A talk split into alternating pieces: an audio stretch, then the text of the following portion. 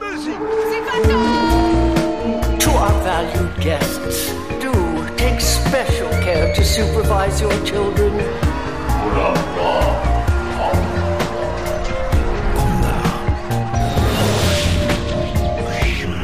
Het is weer ochtend in Pretparkland. Goedemorgen pretparkland en welkom bij je ochtendelijke pretpark podcast. Mijn naam is Erwin Taats en samen met Robin Broos heb ik het vandaag over Disneyland Parijs.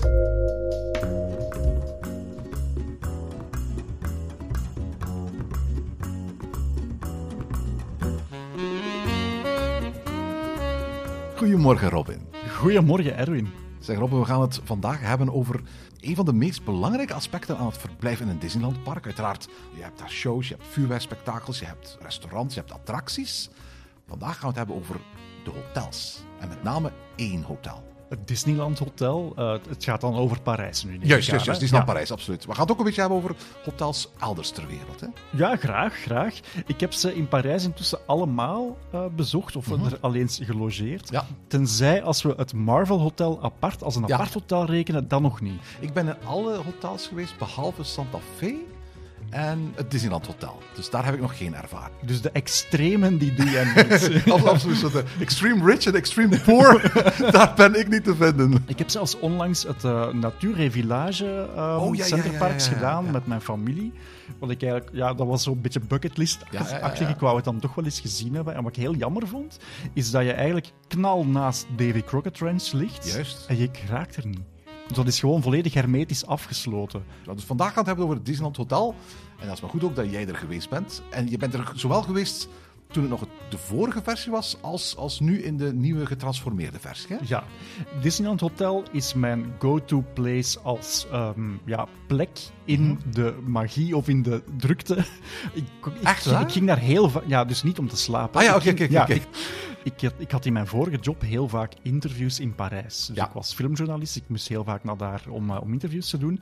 En omdat ik dan een abonnement had van Disneyland, eh, ging ik heel vaak met de RER gewoon na mijn interview Ja, naar ja. Disneyland om één attractie te doen en dan de rest van de namiddag te werken aan mijn artikel. En dan tof, zette tof, ik tof. mij in de Fantasia Bar in Disneyland Hotel, omdat, ja oké, en dat is, dat is toegegeven veel te duur voor wat het is. Maar ik vond dat enerzijds zit je knal in de magie. Ja, ik, voelde mij daar thuis, ik vond dat plezant. Mhm. En anderzijds ja, kan je gewoon even rustig werken, want je kan niet zomaar het park ingaan, je laptop uithalen en ergens gaan Nee, nee. zitten. Ik- Werkt ik, niet. ik heb het nog omgekeerd gedaan, of eh, regelmatig eigenlijk. Voor mij gebruikte ik de parkeerplaats van, van Disneyland Parijs als mijn parkeerplaats om naar Parijs te gaan. Ah, en dan in ja, plaats van ja. dus eigenlijk helemaal naar Parijs te rijden en mij daar ergens in een veel te krappe parkeerplaats te parkeren, ging ik gewoon als, als abonnementhouder gratis tussen aanhalingstekens gaan parkeren bij Disney.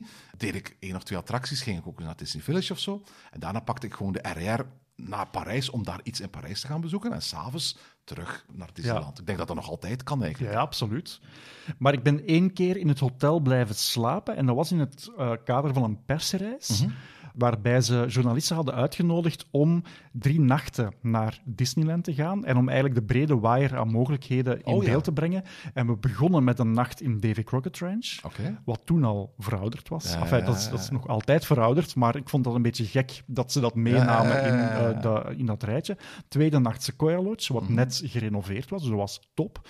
En dan de derde nacht het Disneyland Hotel. En ik vond dat wel heel bijzonder, omdat ik al zo vaak in dat hotel binnen was geweest. Om, ik ging ook heel vaak, als ik met mijn familie daar ging, daar eten in het eh, Inventions restaurant. Omdat ik dat echt buffet, fantastisch gezellig vond. Dat is, dat is een fijne plek, beetje overpriced, maar toch... Dan ja, we denk ik voortdurend over alles zeggen ja, daar. exact, exact. En ik denk, we leven toch maar één keer en ik heb geen kinderen, dus waar zou ik het anders Juist. aan uitgeven? Maar eh, dat Ik kan wel een paar hè. dat is waar, dat is waar. Maar voor mij was dat wel zoiets als een, een ja, goh, klinkt wat zwaar, een droom die uitkwam om daar eens te kunnen slapen. Ja. Om dan de nacht zelf te denken, is het dat maar?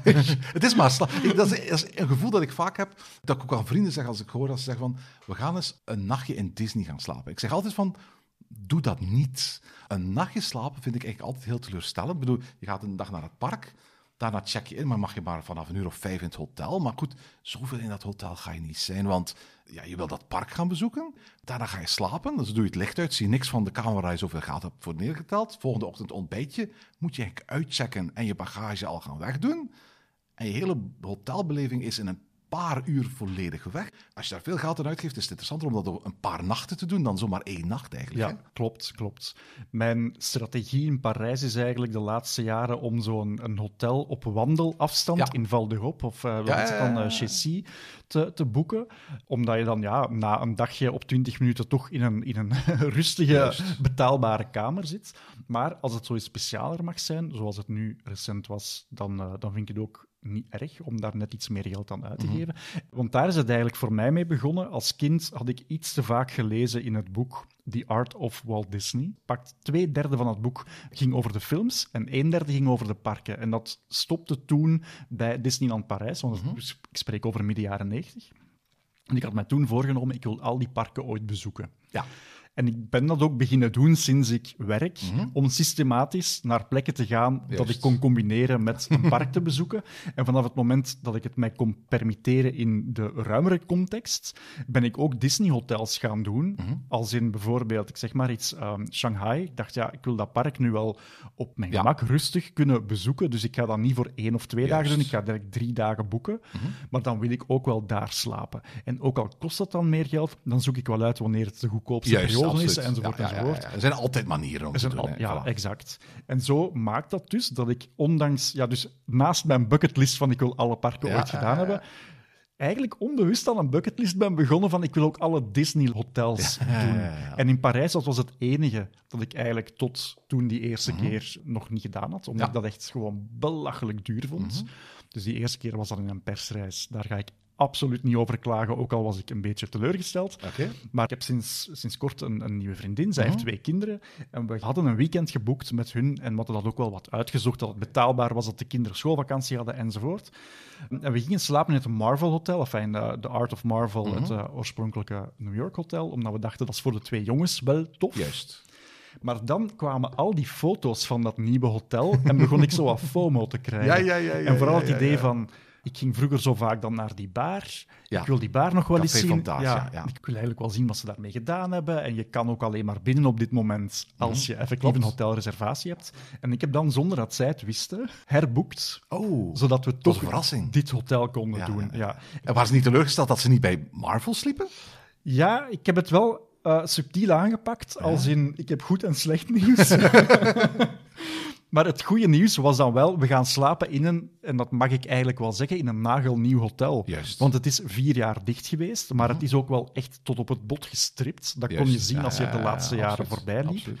Ja, design van de ruimtes daar is niet Mhm. aangekomen, maar het is compleet anders ingevuld. Juist, juist. Misschien moeten we het eerst hebben Ja. over het hotel zelf. Een Goed beetje over, over, over de geschiedenis van het hotel, over hoe het hotel er gekomen is. Want voor alle duidelijkheid, oorspronkelijk was het niet de bedoeling om daar een hotel te bouwen. Hè?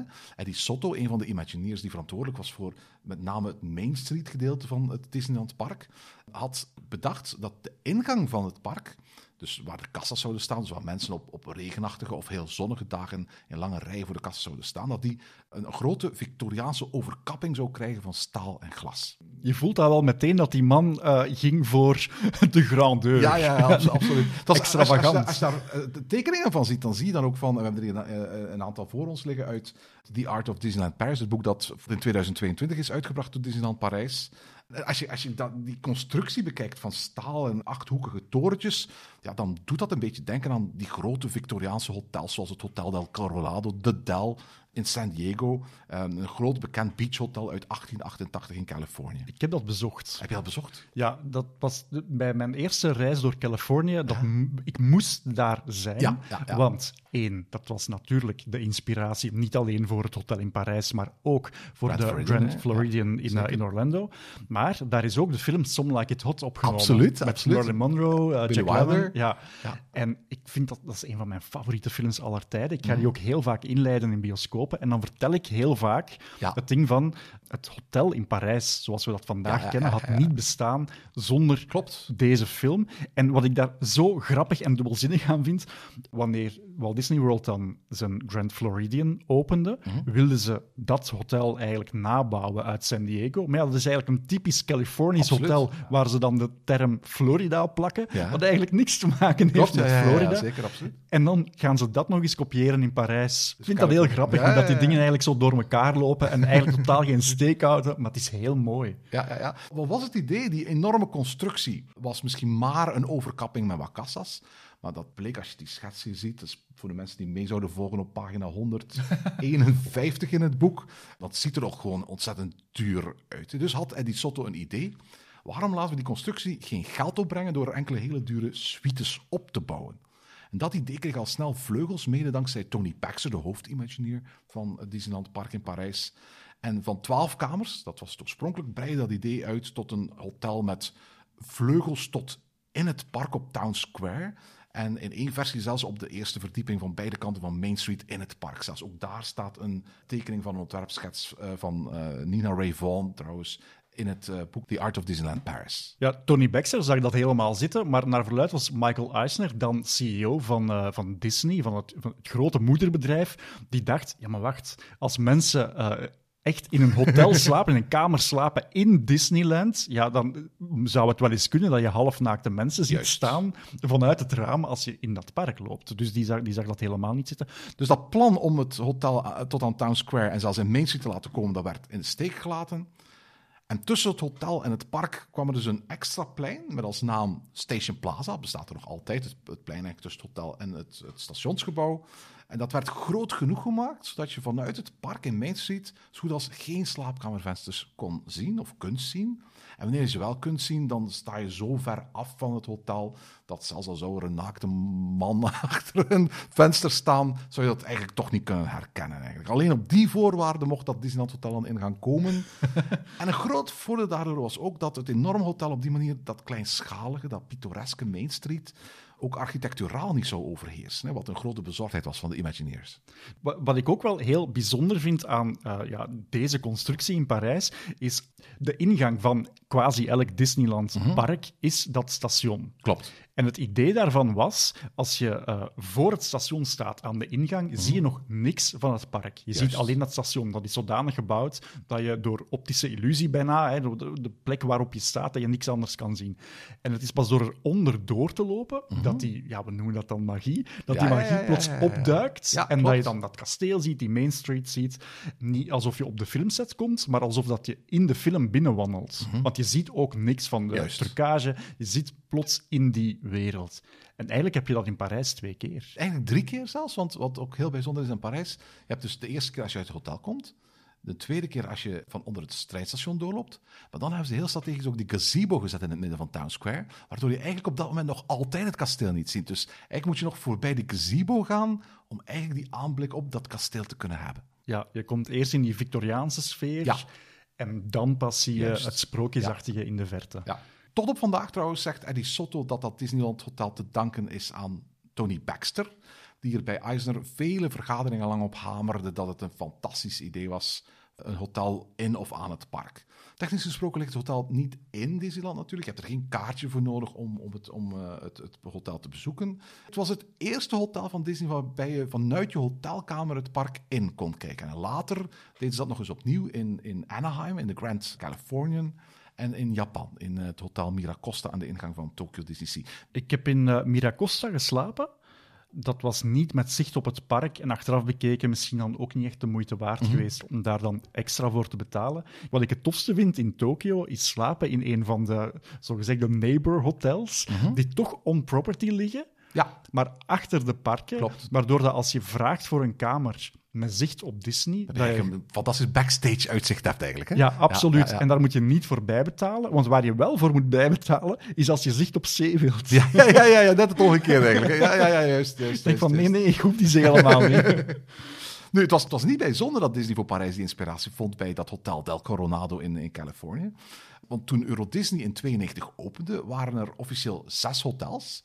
En elk hotel weerspiegelde een ander deel van de Verenigde Staten. Dus het Disneyland Hotel stond als symbool voor Californië, waar ook het oorspronkelijke Disneyland was. Je had het Hotel New York, dat dus nu het Art of Marvel Hotel is. Uh, dat, dat, dat verwees uiteraard naar de Big Apple, New York. Let, letterlijk de Big Apple daar, want een appel was een design-element dat voortdurend terugkwam. Uh, de Sequoia Lodge was een ode aan de Amerikaanse nationale parken. Newport Bay Club, uh, naar de architectuur van New England in het noordoosten van de Verenigde Staten. Dan hadden we nog Hotel Cheyenne, een, een geïdealiseerde, erg clean versie van het Amerikaanse Wilde Westen. Dus het gebied ten westen van de Mississippi, de Dakotas, Kansas, Oklahoma, Texas. En tot slot Hotel Santa Fe met de Pueblo-architectuur van Zuidwest-Amerika. Het gebied eigenlijk van de Route 66 van New Mexico en Colorado tot, tot in Arizona. Dus eigenlijk zes hotels, zes grote Amerikaanse iconische gebieden, die ook aantrekkelijk waren voor Europeanen. Het waren echt zes 3D-ansichtkaarten voor zes verschillende geromantiseerde beelden die Europeanen van de Verenigde Staten hebben. En die elk op hun eigen manier en door andere architecten zijn ontworpen. Het is eigenlijk zo'n beetje het cliché dat wij als Europeaan zouden kunnen hebben van een bepaald facet van de VS dat daarin vertaald is. En ik vind het ook wel heel tof gedaan. Daar is echt een architectuurwedstrijd voor uitgeschreven, waarbij men ja, eigenlijk gewoon grote bureaus heeft aangeschreven. Willen jullie iets mhm. maken voor dat nieuwe Euro-Disney-project? Ik vind het nog altijd ongelooflijk. Dat heeft nu niks met die, met die hotels te maken, maar een ander gebied dat eigenlijk het park, het toenmalige enige park, met de hotels verbindt, die Disney Village. Festival Disney heette het toen ja, nog. Ja. Dat men daarvoor Frank Gehry heeft kunnen aantrekken. Of, die, heeft, die heeft het Guggenheim gedaan in, in Bilbao. Die heeft de Walt Disney Concert Hall uh, in Los Angeles gemaakt. Dat zo iemand, ja, hè? kan mij voorstellen, in architecturale middens dat die vinden van die heeft zijn broek afgestoken voor het geld. en ik kan me voorstellen dat hij vanuit zijn ja, eerder uh, uh, ja, kunstige achtergrond, dat hij waarschijnlijk dacht, ik ga hier de draak steken met het clichébeeld van Disney is fake ja, en alles moet, moet te in your face zijn. Als we nu eens dat er over de top van maken, mm -hmm. dan heb je toch weer iets wat ja, heel aangenaam is om naar te kijken. En, en dat was heel erg goed gedaan. Eigenlijk heel die sfeer, als je die oude foto's bekijkt van 92, van hoe dat die plek was, dat ziet er fantastisch uit, alsof je een soort van mini Las Vegas hebt. ja, dat is het vandaag helemaal nee, niet meer. Nee, nee, nee, absoluut niet. Dat is echt de tang op het varken vandaag. Misschien moeten we het daar eens over hebben, hè, over die architecten. Want voor alle duidelijkheid, Disney had eigenlijk op het moment dat Disneyland Parijs opende, nog niet veel ervaring met van hotels. De twee hotels bij Disneyland in Anaheim die er toen stonden, die waren helemaal niet van Disney zelf. Die, die heeft het bedrijf pas later overgekocht van de eigenaren. En in Tokio opende het eerste Disney Hotel pas in 2000. Eigenlijk hadden ze alleen nog maar ervaring in Walt Disney World in Florida met het bouwen van hotels. Twee bij de opening, de Contemporary en de Polynesian. En vier die na de opening geopend werden. De Grand Floridian, in dezelfde bouwstijl dus als het Disneyland Hotel bij ons. Caribbean Beach, de Yacht Beach Club en het Port Orleans Resort. Toen in Disneyland Parijs op 12 april 92 het resort geopend werd, was dat de eerste keer dat Disney vijf hotels in één keer geopend heeft. Alleen de Sequoia Lodge opende pas in mei van dat jaar. Mark Pinte van Radio 2, die werkte toen voor Radio Donna en die was uitgenodigd op die opening van Euro Disney. En wat er dus de, vooravond gebeurde, was dat ze elk hotel apart openden. Mhm. En dat was met niet alleen een groot feest, maar ook met optredens van artiesten die toen heel ja, ja, waren. Tina Turner, oh, denk ik, Elton John, The Temptations, toen, toen, die, toen die nog voltallig waren. Want vandaag treden die nog op, maar de helft van is eigenlijk dood. Ja. Ja, ja, Om het uur verplaatste heel die oh, menigte zich naar een ander hotel en dat ging dan open. En hij vertelde mij, ik herinner mij nog, dat daar um, vaak voor die hotels dan badkuipen stonden. En je had dan een tiental castmembers die die badkuipen constant moesten bijvullen met flessen champagne. Oké. En dan had je andere castmembers aan de andere kant van de badkuip die dan ja, daar dan een glaasje in vulden. Oh. En dan kon je daar aanschuiven om gratis een, oh, glas champagne Zo decadent. dus eigenlijk wist je op 11 april 1992 al van dat gaat hier binnen de kortste keren failliet gaan.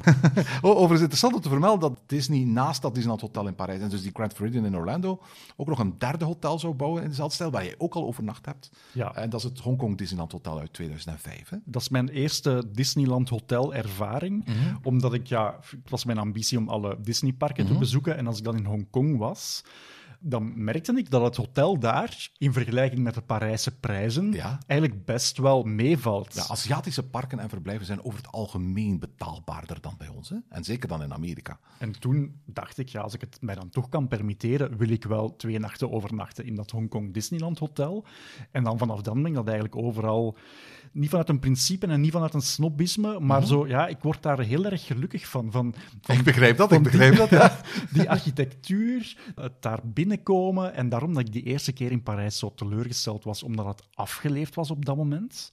Maar dat heeft mij dan wel weer heel erg oprecht gelukkig gemaakt om nu met terug in die wereld te komen. Op tafel hier ligt bij jou dat gele architectuurboek. En de naam daarvan sluit eigenlijk heel goed aan bij het gevoel dat je net beschreef. Designing Disney's Theme Parks, the architecture of reassurance. Een architectuur van, van troost, van geborgenheid. Als je binnenkomt, is dat alsof je tussen twee armen binnenloopt die iedereen een, een, een zachte knuffel geven. Eigenlijk. Als je dat boek leest, dan merk je eigenlijk ook de 101 technieken die Disney Imagineers en, en architecten gebruiken om dat gevoel steeds weer in die Disney-hotels op te wekken. Ja, en ik denk dat heel veel gezinnen graag naar dat soort plekken gaan voor de letterlijke betekenis van wat je nu net zegt. Ja. Je wordt daar ook echt opgewacht door de figuren die jou vastpakken. Het is een heel warm welkom, maar dat zijn de zaken die mij nooit geïnteresseerd hebben. Ik ben dan degene die fotootjes zit te maken van het behangpapier. Ja, ja, ja. ja, ja. Het, het grote verschil overigens tussen de hotels in Florida en Hongkong is dat die wit zijn van kleur.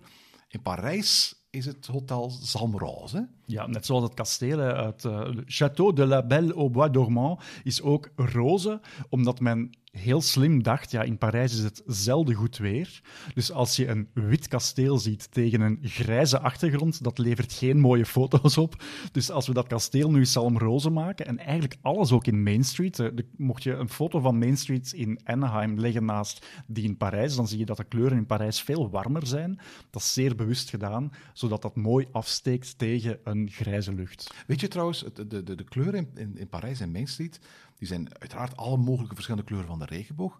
En toch komt het niet over als, als één groot kleurboek. Weet je wat voor trucje dat ze daarvoor gebruikt hebben? Nu ben dat ik heel doen? benieuwd. Ja. Ehm, en dat staat ook in dat boek, die, die Architecture of Reassurance. Eh, dat is ook een truc die in de andere mainstreams wordt gebruikt. Als men dus een huis heeft dat bestaat uit twee, twee kleuren, bijvoorbeeld beige en, en rood, dan gaat het huis, de gevel ernaast, één van die twee kleuren verder zetten. Dan gaat het bijvoorbeeld rood en blauw zijn. En het huis daarnaast wordt dan bijvoorbeeld blauw en groen. En op die manier heb je dus nooit een clash van een groen huis, een blauw huis, een geel huis. Maar is het zodat alle kleuren als, als het ware aan elkaar vastgereikt worden. En dat geeft een geborgener, veel rustgevender kleurenverschil dan dat je al die verschillende kleuren apart zou gaan gebruiken. Dat is super interessant hoe goed daarover nagedacht wordt. Zeg, het Disneyland Hotel is ontworpen door architect Dana Aiken in samenwerking met architectenbureau Wimberley, Allison Tong en Gu. Dat zegt veel mensen misschien niet veel, maar het is een van de allerbekendste entertainment architecture bureaus uit Californië. Ze hebben onder andere de Atlantis in Dubai ontworpen en de Venetian en Caesars Palace in, in, in Las Vegas. Zij werden in de jaren 70 door Disney ingehuurd om het Asian Resort in Walt Disney World te ontwerpen.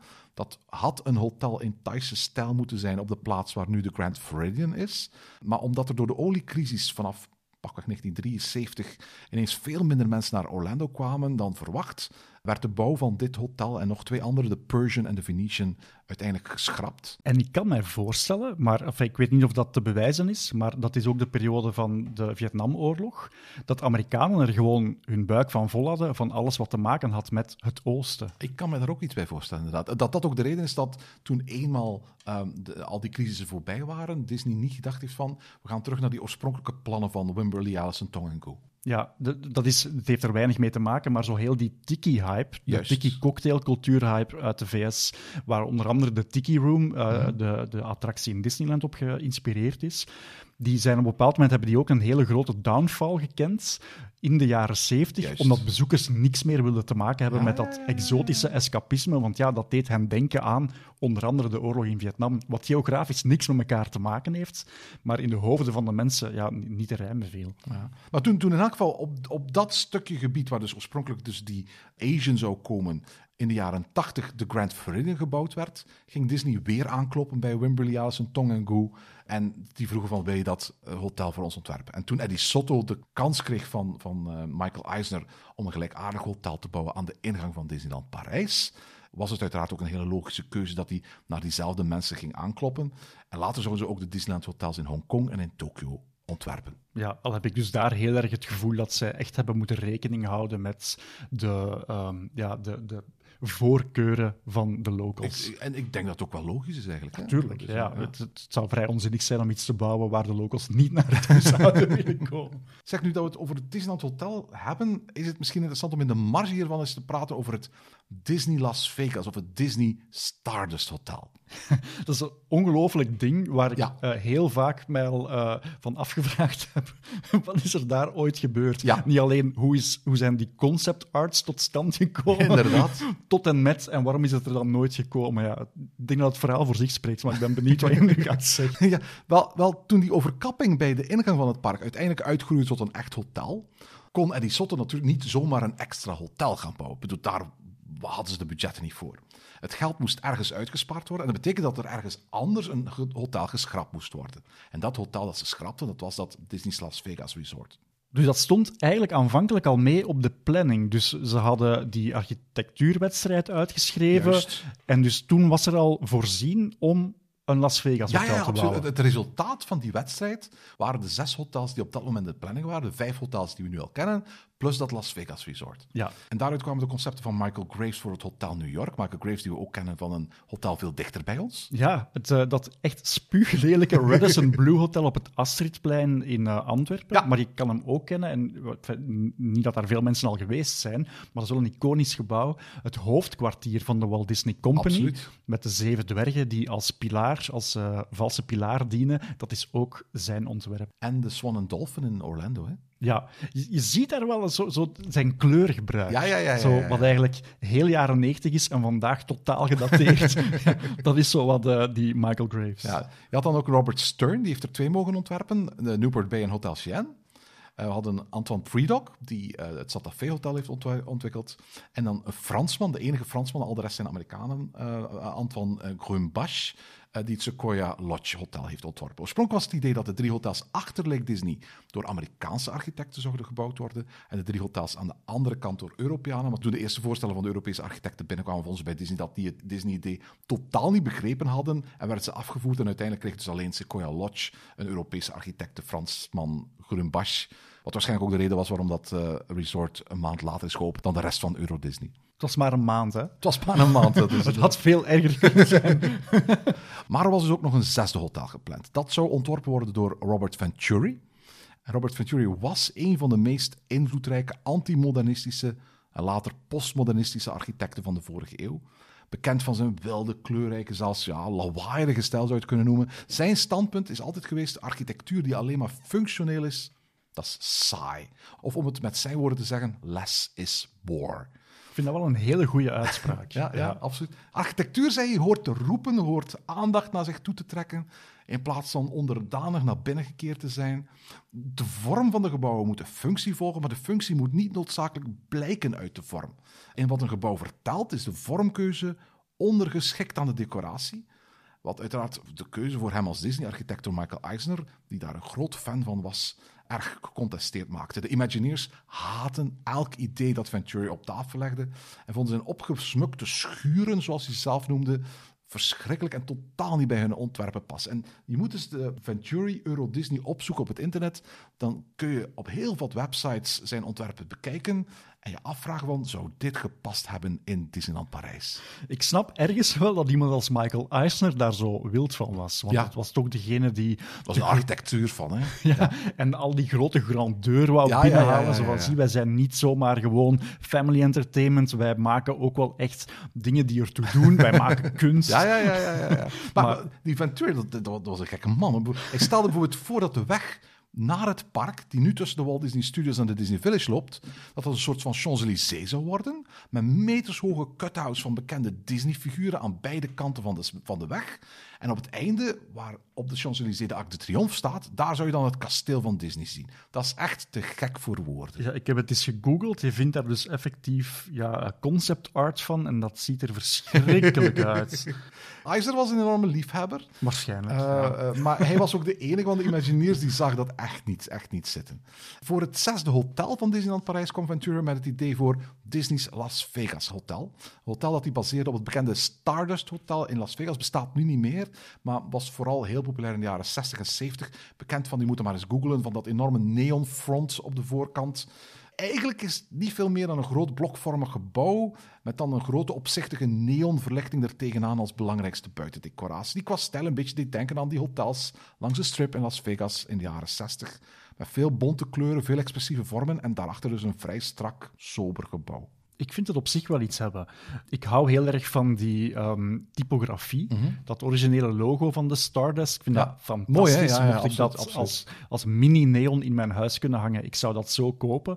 En het feit dat je dat dan gewoon één op één vertaalt, het is, het is niet eens een parodie, het is Nee, zo nee, nee, nee, exact bijna een imitatie eigenlijk. Maar dan in plaats van Stardust Las Vegas, of beter Disney's Las Vegas. Mhm. En dan bovenaan in het originele logo van die Stardust had je een draaiende wereldbol, ook in neon. En daar zou dan, eh, heeft dat gewoon ook gekopieerd, Ja, ja, ja, ja, ja, met dan daarbovenop een Mickey Mouse figuur, een beetje zoals in de Hollywood Studios in eh, Orlando. Maar daar staat het dan eh, uiteraard zonder, zonder, rest van die neons erbij, Gruwelijke neon. Maar ik denk wel dat het iets, dat het- ik vind dat het iets heeft. Het zou oorspronkelijk gekomen zijn langs Lake Disney, dus tegenover de Sequoia Lodge. Zodat je eigenlijk aan elk van de vier zijden een hotel zou hebben. Je hebt aan de ene kant Newport Bay, daar aan de andere kant tegenover ligt dan het Art of Marvel Hotel.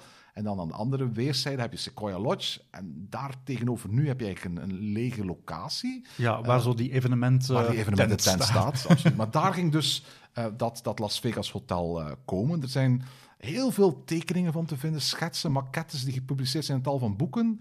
Tony Baxter en veel andere Imagineers haten dat ontwerp. Ze vonden het afreus. Tony Baxter noemde het in, een interview ooit een puist op Euro Disney. Maar ik, ik, ik, ik weet niet of je het zo mag zien. Je moet het niet op zichzelf zien, maar als een soort van ankerpunt in dat totaaldesign van Disney Village. Frank Gehry, waar we al over gesproken hebben. Maar aan de andere kant heb je ook Hotel New York van Michael Graves. Stel dat je, dat je als het ware het Hotel New York en het Las Vegas Hotel als ankerpunten ziet met het midden tussen die twee in Disney Village. Dat, dat had wel kunnen werken, voor alle duidelijkheid. Die andere eh, eh, dingen van, van Gary en Graves hebben wel voldoende stilistische raakpunten met de stijl van Ventura, denk ik. In elk geval, dat hotel werd dus ingeruild voor het Disneyland Hotel. Eh, en later werd Robert Ventura door Michael Eisner weer aan boord gehaald bij eh, het ontwerp van eh, Disney Stadje Celebration in Florida, vlakbij Walt Disney World, waar hij onder meer het bankgebouw ontwierp, dat er tot op de dag van vandaag nog altijd staat. Waar je dan wel, denk ik, heel hard op de rem heeft moeten staan. Want ja, Celebration is er net op gemaakt om er zo heel kleinburgerlijk ja, ja, Amerikaans ja, uit te absoluut, zien. absoluut. En vooral niet schreeuwerig. Maar het was, het, als je het, bankgebouw ziet, is ook een imitatie van een soort van grootbank, maar dan teruggebracht, geschaald naar ja, celebration niveau eigenlijk. Ja. En zijn architectuur was later ook nog eens de inspiratie voor het Pop Century Resort en de All-Star Hotels in Walt Disney World, die eigenlijk datzelfde principe van grote kleurrijke dingen plakken tegen uiteindelijk vrij eenvoudige gebouwen hanteren. Ja, ik denk dat het mooi had kunnen zijn op voorwaarde dat de neons alleen maar richting Disney Village zouden staan en niet richting Lake Disney. Ik denk dat dat wel zo het geval zou geweest zijn. Volgens alle schetsen die ik gezien heb, was het zo dat die neons inderdaad aan de kant van de parkeerplaats zaten. En de parkeerplaats zat aan de kant van eigenlijk de, die, die, ja, die, die weg die nu loopt richting het Disneyland Park. Zou ook het hotel geweest zijn dat het dichtst bij het Disneyland Park lag, want uiteraard het Disneyland Hotel was er toen niet in, dat concept. Hè? Ja, en het, ja, ik denk dat het dan wel mooi kon geweest zijn in het idee van ja, die Disney Village was sowieso al een, een, een eh, grote lichtvlek, zeker s'avonds. En dan heb je dat hotel ernaast, eigenlijk voor de horizon, voor het oog, als je het park buiten komt, zou dat wel een mooi geheel kunnen vormen. Mhm. Maar ik denk, mocht dat schreeuwerige aan de kant van het water Ja, ja, ja, geweest ja, zijn, en dan in combinatie met eigenlijk wel die, die, die vrij mooie, statische, rustige gebouwen. Dat, ja, dat, dat is een tang op een varken. Ik weet niet hoe de achterkant eruit gezien zou hebben trouwens. Ik weet niet of het, of of het project ooit in, in, in dusdanige staat van ontwikkeling is gekomen dat daar ook echt uitgewerkte dingen voor gemaakt zijn. Maar goed, het is er nou uiteindelijk nooit gekomen. Over ligging gesproken, het, het, het Disneyland Hotel zelf, hè, je hebt daar al net gezegd, gelegen achter de Fantasia Gardens. En die, die, die, die, die Fantasia Gardens die doen wel iets fantastisch. Hè? Die geven dat Disneyland Hotel een behoorlijk imposant uitzicht. En dat komt omdat je via trappen en paden naar een lager gelegen plein voor het hotel wordt gebracht. En dat heeft natuurlijk alles te maken met, met het RER-station dat er is. Hè? Want daar komen natuurlijk voortdurend treinen. En op het moment dat je dus Fantasia Gardens inwandelt, dan sta je eigenlijk op een plein dat gebouwd is boven de sporen. En het betekent dus ook dat je vandaar eigenlijk een fantastisch uitzicht uit de hoogte hebt van het Disneyland Hotel. En daarna kun je via trappen en, en, en paden afdalen dichter bij het hotel, waardoor het eigenlijk nog imposanter wordt, omdat je het eigenlijk nog van een lager standpunt te zien krijgt. Eerst krijg je dus die brede view vanuit de lucht, en daarna krijg je die hoge view van op de grond als je er vlak voor staat. Dat is eigenlijk een fantastisch conceptueel uh, gegeven. Eigenlijk is, is het ook zo dat pleintje bij het RES-station, die de toegang geeft tot Fantasia Gardens, dat is het hoogste punt van heel Disneyland Parijs, los van een aantal achtbanen, et cetera. Maar dus wat het oppervlak betreft, en het grondniveau waarop het park ligt, dat is ook hetzelfde niveau als waar, waar Lake Disney ligt. Uh, en eigenlijk als je erop let, is het zo dat Disney Village een langzame afdaling is naar het laagste punt. En dat uh, de hele Fantasia Gardens een heel plotse afdaling is naar het laagste punt voor dat hotel. Ik, het viel mij nu ook weer op hoe onlogisch, enfin, voor, het, voor het brein, hoe onlogisch die paden zijn van Fantasia Gardens. En aan de andere kant, als je daar goed over nadenkt, eigenlijk bijna briljant zijn om aan Mhm. crowd control te doen. Nu, behalve de kleur valt ook op dat er eigenlijk geen echte ingang is tot het hotel. Als je daar staat, de ingang met die luifel, die leidt bezoekers naar de ingang van het park, niet naar het hotel. Je wandelt eigenlijk onder het hotel door. Ja, je moet het al weten als je Ja. hotelgast bent, dat je dus helemaal rechts moet gaan Mhm. om dan daar een klein deurtje te nemen. Het is momenteel zelfs niet eens aangegeven. In mijn herinnering hing daar vroeger nog wel een bordje. Mhm. Ik weet het niet zeker, maar alleszins nu hing er geen bordje. Dus het was omdat ik het wist dat we erdoor moesten. Maar eh, mijn gezelschap dacht, we zijn hier gewoon iets heel vreemd aan het Ja, doen. ja, ja, ja, ja, absoluut. De eigenlijke hoofdingang ligt eigenlijk aan de oostvleugel, waar dus de oprijlaan, de parkeerplaats, de fontein, de canopy, de toegang tot de lobby is. Eh, eigenlijk aan de achterkant ervan. En die zijn in principe niet toegankelijk voor eh, bezoekers van het park natuurlijk. Eigenlijk alleen maar als je in het hotel slaapt. Ja, klopt. En eh, momenteel is het ook de enige ingang. Enfin, ja, dus je hebt dan wel de kant langs Fantasia Gardens en die dat je net Mhm. beschreven hebt met de parking. Maar ja, in, in vroeger, toen, Ja. toen het, eh, in de vorige variant van het hotel, kon je ook als hotelgast aan de westvleugel gewoon binnen en buiten Klopt. gaan. Kon je zo makkelijk het park in. Dat is nu allemaal afgesloten. En dat is, naar verluid zou dat binnenkort wel open gaan. Maar ze willen nu vooral vermijden dat gewoon parkbezoekers die niet in het hotel slapen, Ja. Zo binnensneaken. Een En beetje dan- zoals ook in de eerste weken van het Art of Marvel Hotel. Ja. Eigenlijk alleen het Art Art of Marvel Hotel toegankelijk was voor mensen die er sliepen. Maar ondertussen is de nieuwigheid er vanaf en kun je gewoon onbeperkt binnen en buiten wandelen. Ik verwacht ook dat dat het geval zal worden met het Disneyland Hotel. Ehm, Ik hoop over het. enkele maanden of zo. Ja, ik hoop het. eh, want ik denk dat heel veel mensen wel eh, benieuwd zijn, maar niet noodzakelijk ervoor over hebben Ja. om daar een nacht te logeren. Ja. Wat ook opvalt trouwens, is de, de toren in de middenbeuk van dat hotel. Met die grote Mickey Mouse klok en de gouden windvaan. Ja, ik hou heel erg van die Mickey Mouse klok. Ik vind dat een fantastisch ding.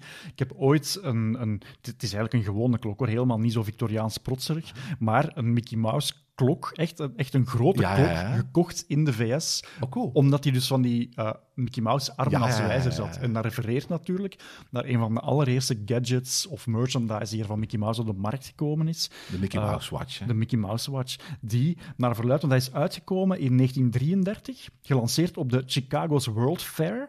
En vanaf dat najaar was hij ook te koop in enkel op dat moment Macy's. En op de openingsday, de eerste dag dat hij beschikbaar was, zijn er 11.000 exemplaren van verkocht in New York. Heb je ooit een Mickey Watch gehad? Nee. Ik heb, ik, ik heb zelfs nog een, een echte Mickey Watch gehad. Nu draag ik een Apple Watch, maar daarvoor was mijn standaard uurwerk echt een Mickey Watch. Ooit nog gekocht in Disney's Hollywood Studios. Zo'n klassieke. Mickey Mouse en ja, de, de wijzers eigenlijk als armen eigenlijk. Hè? Ik denk dat het eh, merk Flikvlak daar gewoon van afgekeken.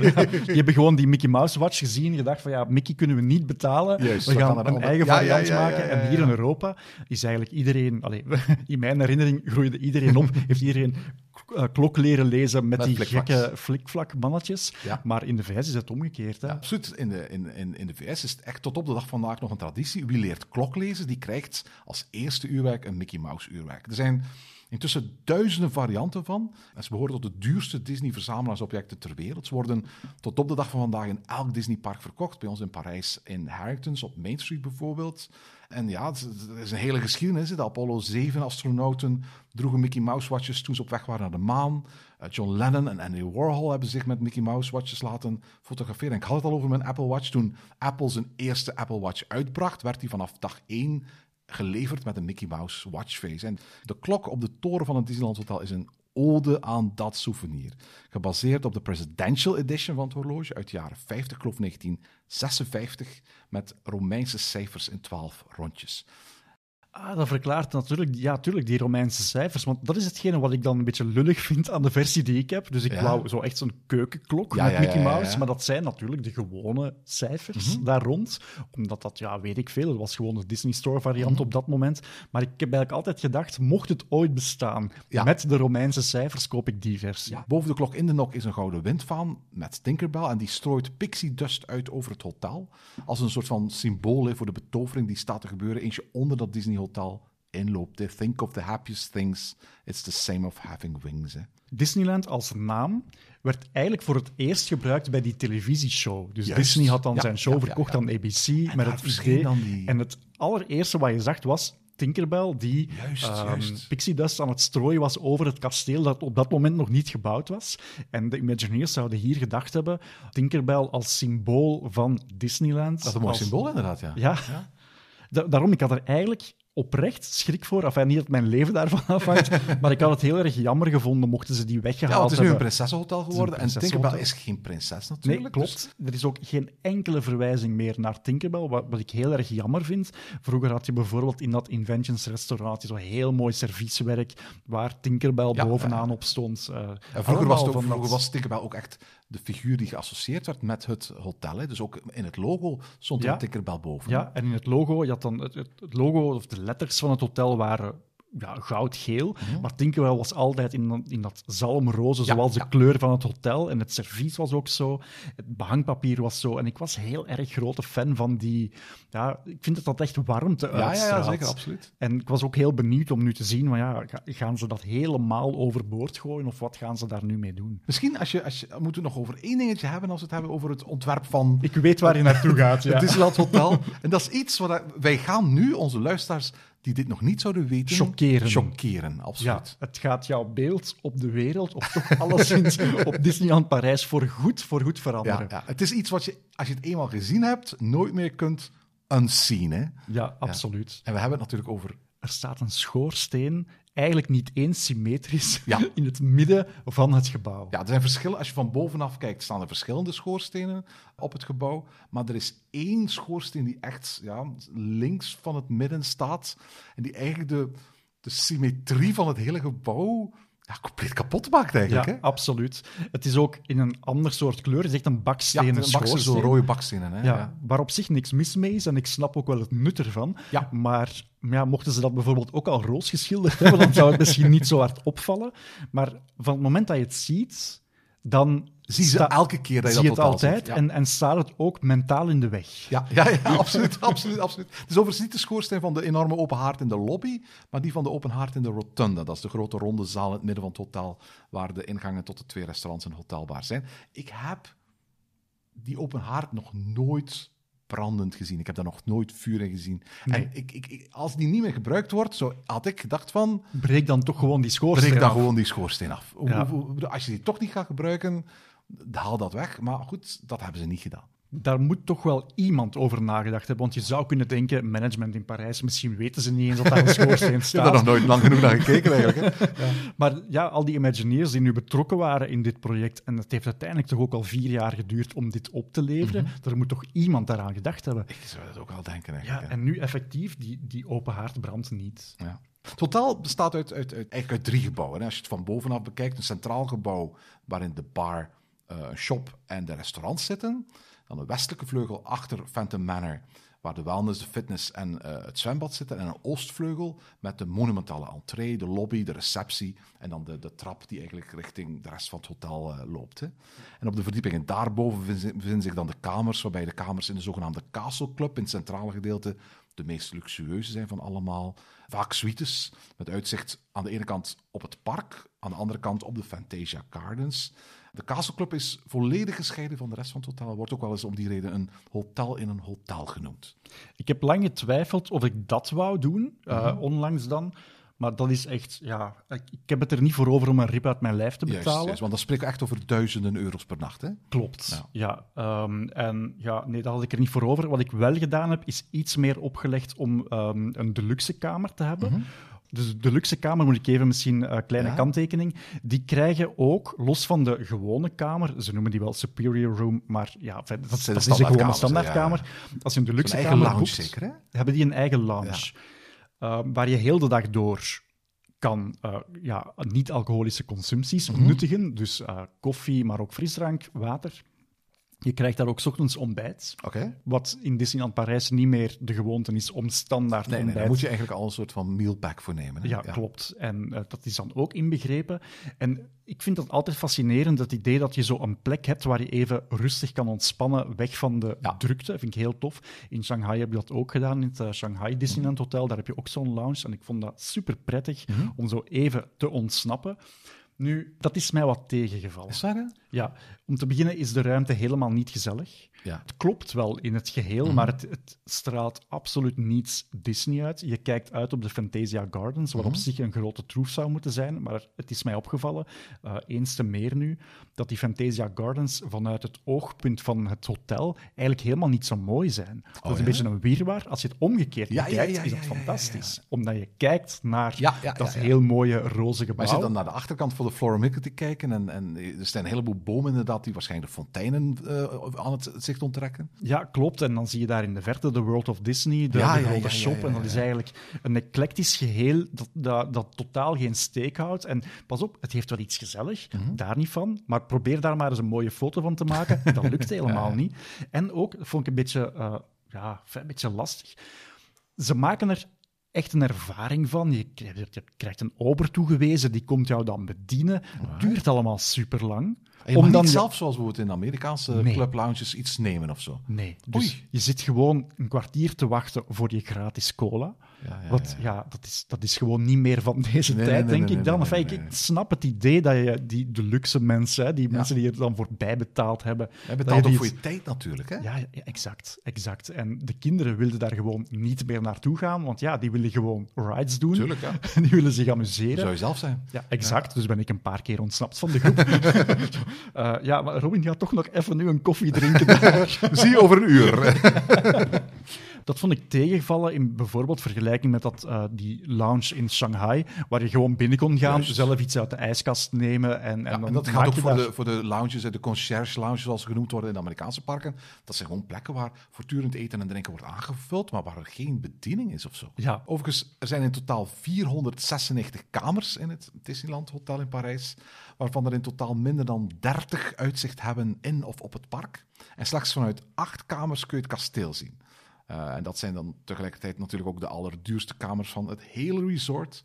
En ze behoren bij de duurste hotelkamers eigenlijk van heel Europa. Ik geloof dat de Frozen-kamer meer dan 10.000 euro per nacht is. Knettergek. Ja. ik ken de prijzen niet van buiten, maar ik ben daar echt van half van mijn stoel gevallen. Ja. Wat ik me ook herinnerde van de allereerste keer, dus toen ik op die persreis daar was, hadden ze ons gestoken in een ehm, kamer in de Oostvleugel, maar echt zo het alleruiterste. Mhm. ja, ja, ja, ja, ja. En dan heb je gewoon zicht op bomen. Bomen, ja, ja, ja. En ik vond dat heel teleurstellend, want ja, je denkt wel, dat is dan zo de grote droom. Je zit aan de Ja, ingang van de magie, je gaat wel iets zien. Toch Juist. op zijn minst iets het gevoel hebben dat je daar bent, en dat hadden we daar helemaal niet. Er zijn ook gewoon kamers die uitzicht hebben op de parking eigenlijk. Ja, dan betaal je ja. al dat geld en dan zit je daar gewoon op een boel auto's te kijken. Ja, ik denk dat dat voor veel mensen teleurstellend moet zijn als ze dan zoveel geld betalen voor dat hotel. Van, ah, en we kijken niet eens uit op dat park. Ja, ja, maar er zijn maar acht kamers die- Ja. van waaruit je het, het kasteel kunt zien. Hè? Ja, maar nu, en eigenlijk was dat, ik was daar best eh, tevreden over, in de West Wing een kamer gekregen. Dat klinkt Zo- heel erg Beauty and the Beast. Ik wou het daarom zo zeggen. Ehm, ja, met zicht op Fantasia Gardens. En dus Ja. nogmaals, je maakt daar geen mooie foto's van, maar je hebt wel het gevoel als je opstaat van wauw, ik zit er gewoon Ja. knal middenin. Ja, ja, ja, ja, ja, Super tof. Ah, super, super. Zeg, Robin, jij bent er nu geweest. Ja. Ehm, we hebben al her en daar een beetje verteld over ehm, de transformatie. Het is een prinsessenhotel geworden, in plaats van dat het een Californisch Beach Hotel is. Maar dat is niet helemaal juist. Het is, zoals we helemaal in het begin gezegd hebben, uiteindelijk is er aan de feitelijke architectuur niks veranderd. Het is nog altijd hetzelfde hotel als vroeger, alleen met een soort overlay. Ja, Godzijdank hebben ze aan de buitenkant niks veranderd. Het Marvel Hotel bijvoorbeeld, die ook recent zo'n makeover gekregen heeft. Ehm, ja, het, het originele New York Hotel had een ander kleurenpalet Juist. dan het Art of Marvel Hotel eh, zoals dat vandaag is. Dat hebben ze, daar hebben ze gelukkig niks aan gedaan in het Disneyland Hotel. Maar ja, eigenlijk alles, elk detail, elke keuze voor kleur staat nu in het teken van, ja, ze noemen het zelf natuurlijk omdat ze het zo graag willen verkopen, omdat dat eh, ja, binnen de franchise hoort, omdat het nu een prinsessenhotel is. Maar ik heb eigenlijk het gevoel dat ze vooral eh, proberen de iconografie erin te steken van, ja, Parijse kastelen, van ja, dat, dat royal gegeven. Als je denkt aan cliché dingen die te maken hebben met koninklijke zaken, Ja, dan Maar ja. zitten die wel ergens in het hotel. ja maar, maar prinsessen, koningen, die, die wonen niet in beachhotels. Die wonen in, kas nee, die wonen in kastelen natuurlijk. Hè? Ja, maar wij weten dat het een beachhotel is. maar eh, Iedereen denk- ziet toch dat het geen sprookjeskasteel is. Het sprookjeskasteel staat er 300 meter verder in het park. Klopt, ja. Maar het heeft wel een Victoriaanse architectuur. Ja. Dat was origineel ook zelfs in San Diego. Dat Mhm. is wel geïnspireerd op die eh, Victoriaanse vormgeving. En wij noemen het een beachhotel. Dat hebben ze natuurlijk er volledig afgehaald. Ik denk ook nog altijd dat er heel veel mensen gewoon, als ze toekomen in Disneyland, denken, dit is het kasteel. Ja, ja, ja, mensen die er echt niks van weten, die zien een gigantisch groot roze gebouw staan en die denken, This is it. dit is het dan. Wij zien inderdaad gewoon nu, een, of althans ik op foto's, ik ben er nog niet in het echt geweest, een, een kasteel met een prinsessenthema dat er overheen lijkt geplakt te zijn, met her en daar een kroontje en een tiaraatje, met heel veel Franse leliepatroontjes en vooral heel veel prenten en schilderijen, et cetera, Ja. van Disney-prinsessen, Disney-royalty in het algemeen. Ja, klopt. Om te beginnen, de grandeur van de inkomhal, van de, van de lobby, waar je binnenkomt langs weerskanten, zowel langs Fantasia Gardens als van aan de parking, die is eigenlijk quasi identiek. Ja, je hebt nog altijd dat wauw-gevoel. Je hebt dat wauw-gevoel. Een van de mooiste dingen vond ik daar in het originele hotel was die schildering in een, ja, in een valse kader, maar dat was precies alsof het ervoor bedoeld was, Mhm. waar je dan schilderij zag van hoe het hotel er zo gezegd had uitgezien in de jaren Ja, ja, 1800. ja, ja, ja. Ehm, dat, is nu- dat is overschilderd met een, een, een prachtig schilderij van het eh, huidige Disneyland kasteel in Parijs. Het is heel tof gedaan. Als het dan toch zouden doen, dan graag op een manier die toch wel ergens steek houdt, die wat hommage uitdraagt naar de originele schetsen. Dus dat staat daar ook helemaal niet in de weg. Maar je voelt wel aan alles dat dat prinsessenthema gelukkig op een subtiele manier er wel ingestoken is. Wie het zich herinnert van vroeger, het is nog altijd een, een lobby die drie verdiepen naar boven kijkt. En je kan die drie verdiepen ook met de trap doen. Dus je kan eigenlijk rondom je heen kijken naar eh, de verschillende verdiepen en hoe die, eh, wa- waar de gangen met de, met, met de kamers starten. Ze hebben dat nu helemaal ingericht alsof het een grote bibliotheek Ja, is. ja, ja. Een valse bibliotheek uiteraard. Maar overal, elk stukje waar ja, salonnetjes zijn geïnstalleerd of, of op de benedenverdieping waar de, ja, de, de balies zijn, waar je kan inchecken. Overal staat ergens een hommage naar een prinses op een soort van display die redelijk goed gemaakt zijn. En zo zijn alle prinsessen op een of andere manier wel vertegenwoordigd in dat grote geheel, zonder dat het in your face is. Ik had er heel veel schrik voor dat ze gewoon wat lukraak, wat, eh, Ja, wat, prenten Is, is, zouden... is dit dan het tweede museumhotel van, van Disneyland Parijs? Want uiteindelijk hebben ze het Art of Marvel Hotel voor een heel groot stuk vermarveld door heel veel prenten en tekeningen en concepts van Marvel-figuren aan de muren te hangen. Ja, Ik heb het gevoel dat dat ook de grootste verandering is hier. Behalve het feit uiteraard dat alles vernieuwd is, meubilair vernieuwd. Dat het thema van de prinsessen er vooral is, is tegenaan geduwd door ook hier het hotel vol met prenten en schilderijen van, van, van royalty te hangen. Echt. Het is opnieuw een museumhotel geworden. Ja, ik snap wat je zegt. En dan had ik eigenlijk liever gehad dat het originele schetsen zouden zijn Ja, of zo. ja. Zoals in, het, in de originele lobby stonden ook zo twee eh, vitrinekasten Klopt, met marionetten, oude- hè? Ja, met Ja. marionetten in. Ehm, dat is helaas allemaal weg. Eh, waar je vroeger ook heel veel concept art aan de muren had, die dan tegen het einde wel volledig vergeeld waren. Maar En tof was die concept art die vroeger ging, dat was concept art met naam van Main Street. Want eigenlijk het, het, het hotel de opmaat was voor de bouwstijl en wat er kwam Ja. daarachter in Main Street. Hè? Ja, klopt. Die Victoriaanse stijl eigenlijk een beetje al Ja. oproepen vanaan de binnenkant van het hotel, dan, die dan doorliep naar, naar Main Street. Dat is allemaal weggehaald. Dat is, dat is jammer. Mhm. In de lobby heb ik niet het gevoel dat het er gewoon opgeplakt is. Er is wel goed over nagedacht, zonder dat het voor eh, mensen die helemaal niks hebben met die prinsessen, het is niet te hard in your face. Ja. Wat wel heel erg in your face is, is dat die prinsessen daar constant rondlopen. en dat is prima prima. Hè? En Ja, ja, je ziet ook dat die kinderen daar ontzettend van genieten. Dat is misschien maar ook de reden waarom ze het voorlopig niet gaan openstellen voor... Omdat je gewoon gratis, Ja. zonder aanschuiven, op de foto kan met prinsessen, want die lopen heel de dag daar rond. Als dat blijven houden, gaat dat hotel nooit voor niet-hotelgasten open gaan. Nee, klopt, klopt. Ja, en je wil als hotelgast natuurlijk niet het gevoel hebben dat iedereen daar Juist, zomaar... ja, eh, ja. Dus Op zich is dat een leuk extraatje. Je kan bijvoorbeeld ook in de app ehm, op voorhand een reservatie maken dat je met je kinderen op de foto kan met een prinses. Mhm. Je weet niet op voorhand wie, maar ze noemen dat dan koninklijke ontmoeting. En dat is in een aparte ruimte. Je hebt een, een kidsruimte nu tegenover het eh, zwembad. Dus Mhm. in de westvleugel heb je nu de, eh, de spa, het zwembad en dan de kidsruimte. En dus je kan dat reserveren, maar die prinsessen lopen ook constant daar rond. En dat geeft jou het gevoel van, ik heb hier iets extra meegemaakt. Ja, ja, ja, ja, ik heb er niet voor moeten betalen, ik heb er niet voor moeten aanschuiven. En ik denk dat dat wel heel erg werkt. Dat- wanneer heb je een fijne Disney-ervaring dat je het gevoel hebt dat je er alles hebt uitgehaald? Ja, dat is absoluut waar. Dat is absoluut waar. Het hotel heeft vijf soorten kamers, standaardkamers, die de superior rooms worden genoemd. De luxe kamers, waarvan er twee soorten zijn, één met terras, één zonder terras. Die hebben dus de toegang tot die, die niet zo bijzondere deluxe lounge of die D-lounge. Dan heb je de Castle Club kamers, waar je dus alleen maar met een Castle Club badge kunt komen. En dan heb je nog een reeks signature suites. Dat zijn de hele dure grote kamers die uitzicht hebben op het kasteel. De Sleeping Beauty suite zie ik hier op de website. De Cinderella suite, de Beauty and the Beast suite, de Frozen suite en een aantal junior suites, waaronder de Rapunzel suite. De grootste is de Sleeping Beauty suite en die is 187 vierkante meter. Jij sliep in een, eh, een deluxe kamer. Ja. Hoe was dat? Ik heb mij dan niet beklaagd. Mhm. Ik heb de foto's vooral eh, mij gebaseerd op de foto's toen ik het boekte.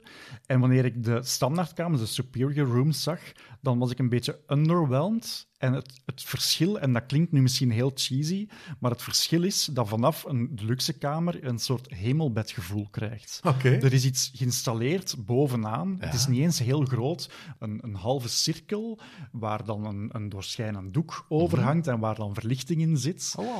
En ehm, helemaal in het midden is er dan de pompoen van Cinderella zowat in, in Mhm. gemonteerd.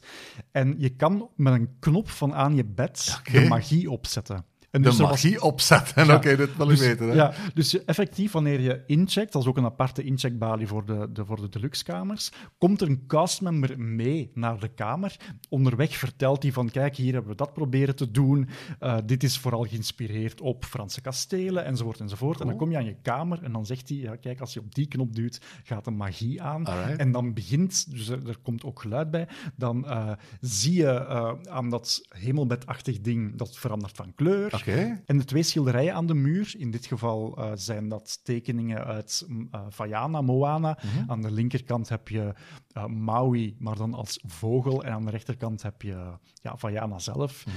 En daar zitten dan ook zo ja, lichtpuntjes in die Oh dan ja, zo die mee- glasvezeltjes. Ja, die Ja, meeflikkeren. ja, Als je dat dan vergelijkt met bijvoorbeeld het... eh, ja, de, de, de kamers in het Disneyland Hotel in Anaheim, daar heb je ook zo'n knop. Mhm. Ja, maar wat er dan gebeurt, is eigenlijk gewoon dat je zo van die... Eh, lichtpunt- Vuurwerkexplosies zo eh, in het eh, ja, bedeinde. zo. Maar dat ziet er zo, ja. Dat is cheesy, hè? dat is super tof, maar ja, dat, dat, is ook niet, dat is nu ook niet zo spectaculair. Hier heeft dat nog wel iets. Ja, ja, ja, ja, het gaat ook vanzelf uit na 45 seconden. Ja, ja, kan je, je kan er blijven duwen. Je ziet dat je s'nachts een, eh, per ongeluk er ergens tegenaan kunt eh, rollen of zo, waardoor alles in gang schiet. Nee, maar ja, ik, ik weet het niet. Dat voelde als een... Ja, dit gaat ook heel cheesy klinken, maar dat Robin heeft niet veel nodig, hè? Nee, een, dat, dat was een soort van warm dekentje. Ja. Ik, echt alles aan die kamer vond ik tof. De tv zit in de muur. Mhm. Maar dus, wij zagen die eerst niet. Dat is een spiegel. Oh ja, ja, ook zoals in Art of Marvel. Uh, maar de- ja, en, en het is pas als je hem aanzet dat je door hebt van, ah, wauw, daar zit ook Daar een tv in. in. Ehm, de, de spiegel. En opnieuw, het is misschien wat protserig allemaal. En het is ook weer zo in die ehm faux Art Nouveau-stijl. Mhm. Een beetje zoals, eh, zoals ik denk aan het eh, Shanghai Disneyland Ja, Hotel. ja, dat ja, is helemaal in die stijl. De spiegel is zo wat zo vormgegeven, maar omdat het een... een het is alleen dat element dat ze zo gemaakt hebben. En dat is dan nog eens volledig gelinkt aan Rapunzel. De, de vormgeving, de, de, de rare kronkels en eigenlijk het haar van Rapunzel. En het Oh ja, ja, eindigt in de bloem van Rapunzel. Dat is eigenlijk allemaal wel heel mooi gemaakt. En het, je ziet, het is niet in your face. Het is pas als je goed gaat kijken dat je al die kleine detailjes ontdekt. Exact. Ik denk zelfs de meeste mensen die, om te beginnen, Rapunzel nooit gezien hebben, of misschien maar één keer, die gaan misschien niet eens een referentie Ja, doorhebben van die bloem. Natuurlijk, ze verkopen nu ook wel een miniatuurversie van de spiegel in de winkel. En ik heb daar lang over getwijfeld. En op het einde dacht ik, ik ga het gewoon doen. Ik ga hem Oh, je hebt hier in je huis ergens een spiegel hangen? En ze waren uitverkocht. Ze waren uitverkocht. Ja, en dat, dat vind ik wel, en dat is iets welgelijk wat je de, de laatste jaren eigenlijk overal bij alle Disneyparken ziet.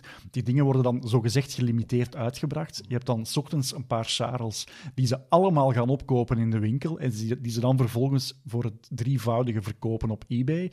Hetzelfde met de pins. Dat is nu iets heel stom, hè, maar je hebt dan een pin van het Disneyland Hotel. Je kan die alleen daar kopen. Ik denk, ik koop het vanavond wel, want anders, moet ik er heel de dag mee rondlopen. S'avonds zijn ze allemaal uitverkocht. En dan ben ik echt voor de vorm gaan checken op eBay. En je kon dus die dag, en het was een van de eerste dagen, je kon die dag al voor, denk 35 euro, een pin kopen die 9 euro in de winkel Ja, ligt. Het, het gerucht ging dat mensen eh, maandenlang op voorhand al reservaties gemaakt hadden. Dus mensen die helemaal niet in het Disneyland Hotel sliepen, of zelfs niet in het Disney Resort sliepen, maar dus reservaties gemaakt hadden voor de lunch. Want ik geloof dat die op dat moment vrij toegankelijk was voor iedereen Ja, in het nu niet meer, maar toen wel. Ehm, ja. Om dan letterlijk met die reservatie ehm, Binnen- binnen, te te komen om de shop te kunnen plunderen en dan helemaal niet naar het restaurant te gaan.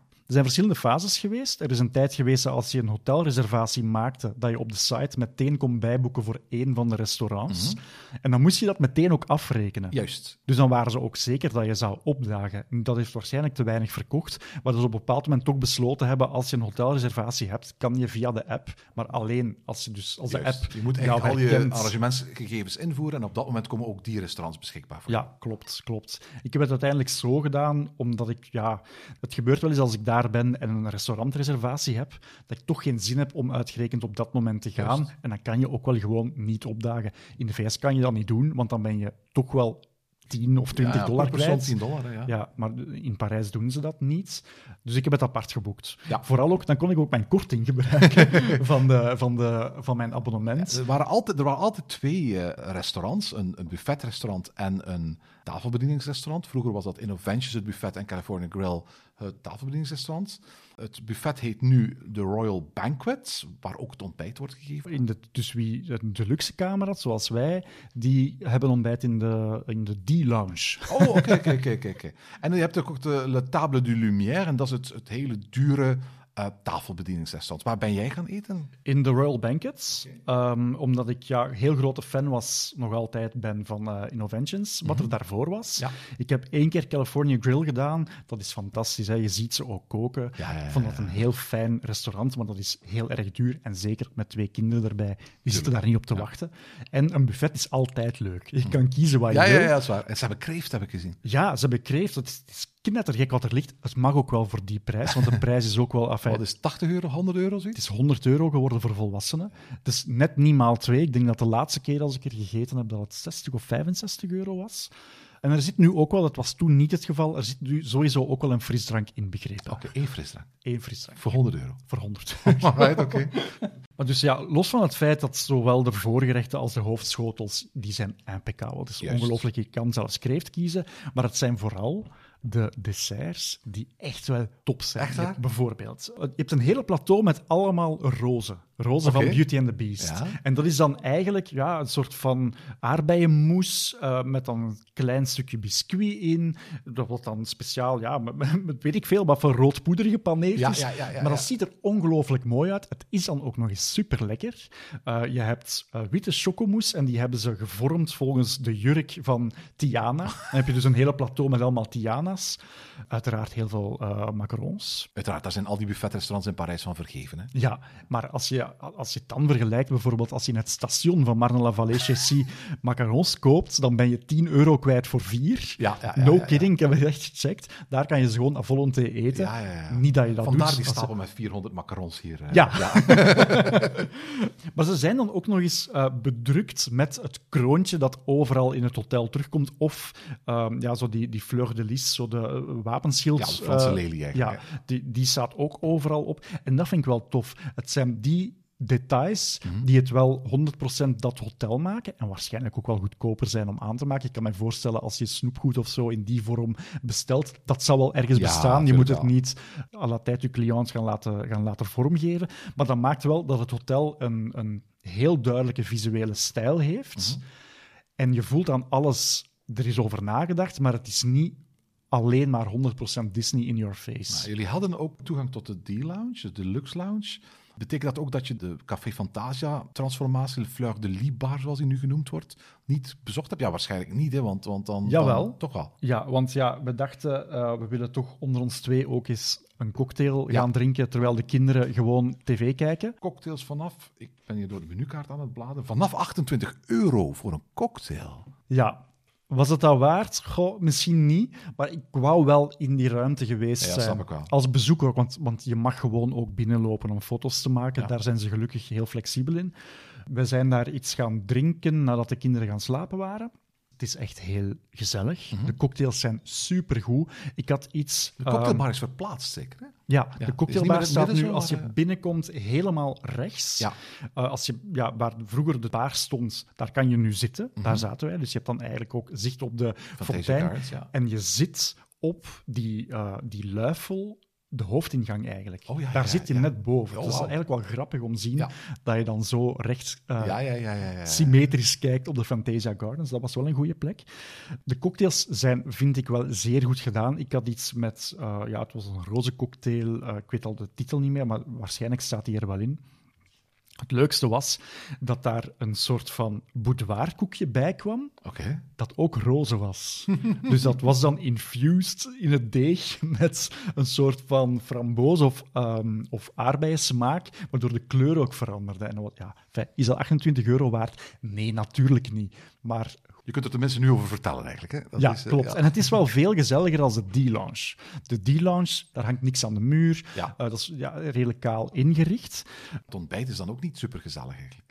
Wel, het heeft wel iets gezellig als je daar met veel mensen zit. Het zijn wel zo mini-salonnetjes die ze gebouwd hebben, dus je zit daar wel, wel... Het is wel redelijk gezellig. En het buffet zelf is in de ruimte ernaast, wat Oh, eigenlijk, ja, ja. als je daar overdag komt, omdat je daar binnen kan, lijkt dat een, een, een lege, kale ruimte. Daar zitten wel nog twee elementjes in. Ze hebben dan zo concept art van de voorkant van het hotel en eentje van de nieuwe eh, lobby. Hebben ze op een soort van gouden plakkaat geprint. Zo precies alsof het een, een bordje is, maar Ja, dan groots. Maar dat buffet ochtends was echt wel... Dat was Ja. Ongelooflijk. Alles wat je maar wou. Ja. En, en, en goed gemaakt. eh, niet de... En voor al duidelijk, het was echt een buffet. Je moest niet vragen aan een ober om de dingen te brengen of zo. Nee, klopt. Het enige wat zij brengen zijn de dranken. Wat ik heel tof vond aan het originele hotel, is dat bijvoorbeeld het behangpapier, als je de trappen naar boven nam vanuit de eh, Oostwing eh, en richting de, de restaurants liep, in dat behangpapier, dat was heel Victoriaans, van patroon, maar daar zat altijd subtiel een Disney-figuur in. Dat is nu allemaal niet meer. Er Dus er zit nog altijd een patroon, maar het is geen Disney-patroon. nee, het zijn dan eigenlijk ja, die vormgevingen die Maar, overal maar dat, is, dat is ook een beetje het gevoel dat ik had bij bijvoorbeeld de foto's die ik gezien heb van die Fleur de Lis bar bijvoorbeeld. Het, Ja. is- het ziet er allemaal wel stijlvol en chic uit. Maar in vergelijking met Café Fantasia vroeger, dat eigenlijk gethematiseerd was naar de muziek van Fantasia met die grote notenbalken en partituren overal op de muur, Mhm. zag er wel een stuk soberder uit allemaal. Ja, ik, ik vond dat een teleurstelling. Dat was, ja, eigenlijk... Het neemt heel veel van de magie weg. Wat, wat in die ehm, Fantasia Bar zo leuk was, was bijvoorbeeld ook dat daar zo wat attributen stonden die recht uit de film kwamen. Bijvoorbeeld merchandise dat daar ooit van gemaakt was, onder een stol opgestoken. Dat, daar was over nagedacht. Dat was ook niet in your face Disney, maar dat was wel Disney. Juist. Dat was, Imagineers hadden duidelijk daarover nagedacht hoe dat, dat moest. Nu heb je gewoon boven elke tafel een soort van wapenschild van een prinses. Oké. In het eh, zilverkleurig. Het is ook allemaal heel statisch. Ja, ja, ja, Het is allemaal-. Het is een beetje cool. Heel afstandelijk. Ja.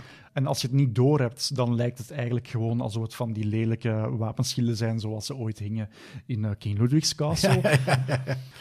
Ja, ik denk dan ofwel, kies dan ofwel voor een heel stijlvolle deluxe lounge waar je de Disney-elementen gewoon uit weghaalt. Mhm. En dan inderdaad heel hard inspeelt op dat eh, Franse gegeven van die lelies enzovoort. Doe dan dat. Maar dit is zo'n beetje de twee willen combineren en het klopt naar mijn gevoel niet helemaal. Eh, Zeg Robin, als, als je nu een, een stap achteruit doet en je kijkt naar de hele beleving die je gehad hebt in het vernieuwde Disneyland Hotel, is het erop vooruit gegaan? Ja, omdat het, er, het was afgeleefd. Het was vooral ook heel erg gedateerd. En dat is het nu helemaal Ja. niet meer. Want ook de kamers zijn waarschijnlijk allemaal uitgerust met USB-C-poortjes en dat soort dingen meer. Exact. Ja. Ja, eh, alle vormen van USB kan je gewoon Vroeger had je gewoon één stopcontact en daar moest je het mee doen eigenlijk. Ja, exact. Dus daar is allemaal over nagedacht. Zelfs de, de lichtknoppen.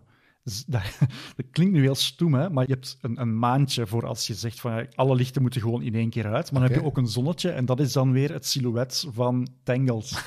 dat is superleuk gedaan. dat ja. zijn zo van die details. Ja, de modale bezoeker gaat daaraan voorbij. Ja. Maar ik vind dat tof dat ze zelfs met zo'n kleine dingen, dat ze daar toch rekening mee houden.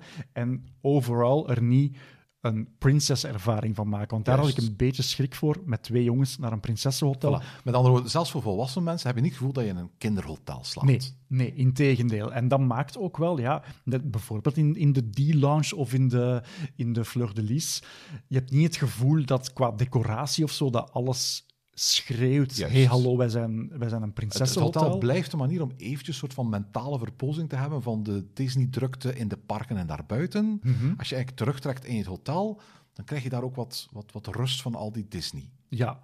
En zoals in de Royal Banquets, daar, dat is eigenlijk de enige plek waar de Disney-figuren echt wel in your face zijn, omdat Mhm. er op, eh, boven elk buffet een gigantisch Juist, portret van staat van eigenlijk. Hè. ja, van een bekende persona- koningen zeker. Hè. Ja, maar personages vooral ook die... Dus de, de ruimte waar je eh, het eten gaat halen, het buffetsgedeelte, daar zijn de portretten van personages die ook iets met koken te maken Oh, hebben. ja, ja, ja. Dat is tof gedaan. De eh, zaal, als je, dus ja, als je met je neus aan, naar de ingang staat van het restaurant, de zaal rechts, dat zijn allemaal gezinsportretten, maar bijvoorbeeld ja, het, het gestileerde gezinsportret van Vaiana, zoals het in de film zat, en dat weefgetouwwerk van Brave, Ja. maar dan ook echt zo gemaakt. Oh, wauw. Het is echt met echt materiaal. Ja, ja, Dat-. Ik, ik geloof niet dat een oud vrouwtje dat heeft zitten weven, maar dat zal wel Ja. ja. machinaal gedaan zijn, maar het, maar het hangt daar wel. Dus, en het zijn niet zo de, de logische tekeningen of schilderijen zoals je ze zou verwachten van een Aziatisch park. Ja. Omdat ze daar gewoon heel graag de characters willen Juist, zoals ze ze ja. kennen. Maar er is echt wel over nagedacht. We gaan iets maken dat niet noodzakelijk een één-op-één ding is. Het, is niet gewoon afgeprint Ja. van iets wat al bestond. Ja, ik, ik ga niet vragen, was het zijn geld waard? Want dat is een vraag die bij iedereen anders is. Iedereen heeft andere budgetten. Mhm. Eh, maar eh, uit de manier waarop we deze aflevering begonnen, mag ik wel af, afleiden dat je vond van dat de prijskaartje toch vrij hoog was. Het was heel hoog, maar ik heb er geen spijt van. Dat vind Ja. ik het belangrijkste. De eerste keer dat ik eh, het Disneyland Hotel in Anaheim had gedaan, had ik achteraf voelde ik mij echt bekocht. Dat snap Van- ik wel, ja. Van wauw, ik heb hier zoveel geld aan betaald en ik heb niet eens het gevoel dat ik in een Disney Hotel Ja, sliep. het is een building, hè? Dat is- Ja. Terwijl dat was nu niet. En ook gewoon het idee van.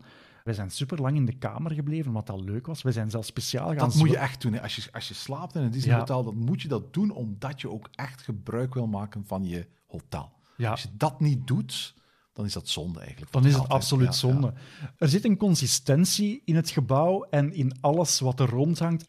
Ook ehm, in het tapijt in de kamer. We hadden het eerst niet gezien, maar daar is bijvoorbeeld het schoentje van Assepoester, een Oh, appel, Ja. ehm, de lamp van Aladdin. En op de duur waren we met, met de kinderen het spel aan het spelen. Ja, van. Herken je de En films? dat werkt wel natuurlijk. Ja, dat is, en dat is, ja, dat is super tof. En, en zo, zo merk je toch ook maar hoe diep ingebakken die Disney-wereld zit. Hè? Ja. Zelfs twee jongens die eigenlijk Assepoester nog nooit gezien hebben, want dat is geen film voor hun, die herkennen wel het schoentje van Assepoester. Voor herhaling vatbaar? Mocht ik dat kunnen betalen, heel erg graag. Mocht ik daar nu over nadenken, denk ik dat ik heel hard ga slikken van Juist, de prijs, ja. terwijl ik het er nu voor over had, want het was de eerste keer in dit nieuwe, de nieuwe constructie van mijn Ja, relatie. ja. Het was de eerste keer dat hotel. Er waren een heleboel verschil- bijzondere dingen samen eigenlijk. Ja. Waardoor ik dat voor mezelf vond dat ik dat moest kunnen doen. Ehm, maar ik denk niet dat het voor snel gaat zijn. Ja. Is dit het go-to hotel in Disneyland Parijs? Of zeg je van nee, ik heb eigenlijk nog een andere voorkeur? Ehm, ik ben altijd heel grote fan geweest van de, zowel de Sequoia Lodge als Newport Bay Club. Mhm. En ik vind in de renovatie, waar dat Disney eigenlijk heel erg probeert om de franchises, eh, de Juist. overlay te doen van ja, merchandisable en franchisable eh, figuren. Ja, gaat een gerucht dat Sequoia Lodge een, een, refurb krijgt, maar waarin dan National Geographic als thema zal worden toegevoegd. Wat op zich geen slecht idee is, want dat past volledig in de stijl en is niet noodzakelijk. Enfin, wat ze nu gedaan hebben, is af en toe wat Bambi-figuurtjes in het decor gestoken en dat klopt. In eh, Newport Bay Club zijn het hoogstens ehm, silhouetten van Mickey Mouse die je toevallig in het behangpapier Juist, herkent. ja, ja, ja. En dat vind ik nog redelijk stijlvol gedaan. Ik heb meer moeite met ehm The Art of Marvel, waarbij je zegt, ja, het is eigenlijk een museumhotel geworden. Ja. Het is gewoon basically hetzelfde hotel waar ze wat ingekaderde Klopt, prints hebben ja, opgehangen. En dat zijn toffe dingen, ja, maar goh, ik word daar niet warm van. Je hebt ook het gevoel dat dat Marvel Hotel letterlijk in een paar weken gewoon een heel ander hotel zou kunnen worden als ze dat zouden willen. Klopt, ja, dat zou inderdaad Dat niet lijkt veel... mij moeilijker bij dat Disneyland Hotel. Ja, inderdaad, inderdaad. Wat dus ook maakt dat ze het niet snel kunnen verpesten. ja, oh ja, denk aan wat, ze, wat je aan het begin ook hebt aangegeven. Architecten hebben dat dan gemaakt en plots is er een of andere Disney-pipo die vindt van ja, we gaan dat er nu mee doen. Juist. Totaal geen rekening houdend met waarvoor het bedoeld is. Dat kan bij het Disneyland Hotel denk ik niet zo snel gebeuren. Ja, het is ook het hotel denk ik, waar ze het meeste trots op zijn van allemaal, want het is ook het hotel waar Imagineering het meest aan meegewerkt heeft. Het is uiteraard ontworpen door Dana Aiken samen met Wimberley, Allison Tong en Koo, maar met heel veel input van Imagineering, veel meer input dan de andere hotels in Parijs. En het is letterlijk een uithangbord. Ja. Het is De de, entree, ingang. Ja, Ja, het is de entree. Het is hetgene wat je ziet, zowel als je toekomt met de trein als wanneer je met de wagen toekomt. Het is los van het kasteel, want het kasteel zie je eigenlijk amper, omdat het in verhouding Juist. ook veel kleiner is. Eh, het is gewoon zo groot dat ik wel ja, blij ben dat ze het goed hebben aangepakt. Ik vind dat ze het goed hebben aangepakt. Het is niet altijd mijn stijl. En dat is misschien een, een belangrijke nuance. Ik vind dat voor Parijs echt al een groot compliment. Ze hebben het goed aangepakt. Ja, ja, absoluut.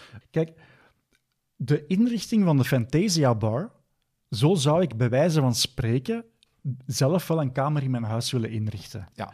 Ehm, mocht ik zo'n extravagante bui hebben en, Ja, en, ja, behangpapier met muzieknoten dat recht uit de film komt en dan een kader met concept art uit de film, zo zou ik dat als fan zelf kunnen doen. Mhm. Zoals ze nu Fleur de Lis hebben gedaan, in de verse verte niet. Er is niks in dat hotel Juist. waarvan ik denk, zo zou ik graag willen wonen. Ja, en ook, er zijn volgens mij heel veel luxe hotels waar dit soort bar eigenlijk gewoon niet in zou misstaan. Waarbij je absoluut niet het gevoel hebt van, Klopt, daarvoor ja. moet ik naar een Disney-hotel. Ja, maar ik ben niet noodzakelijk, wanneer ik naar Disney ga, op zoek naar iets waar ik in zou willen wonen. Ik wil gewoon in het park mij kunnen Juist. amuseren en in mijn hotel wil ik kunnen eh, ontspannen.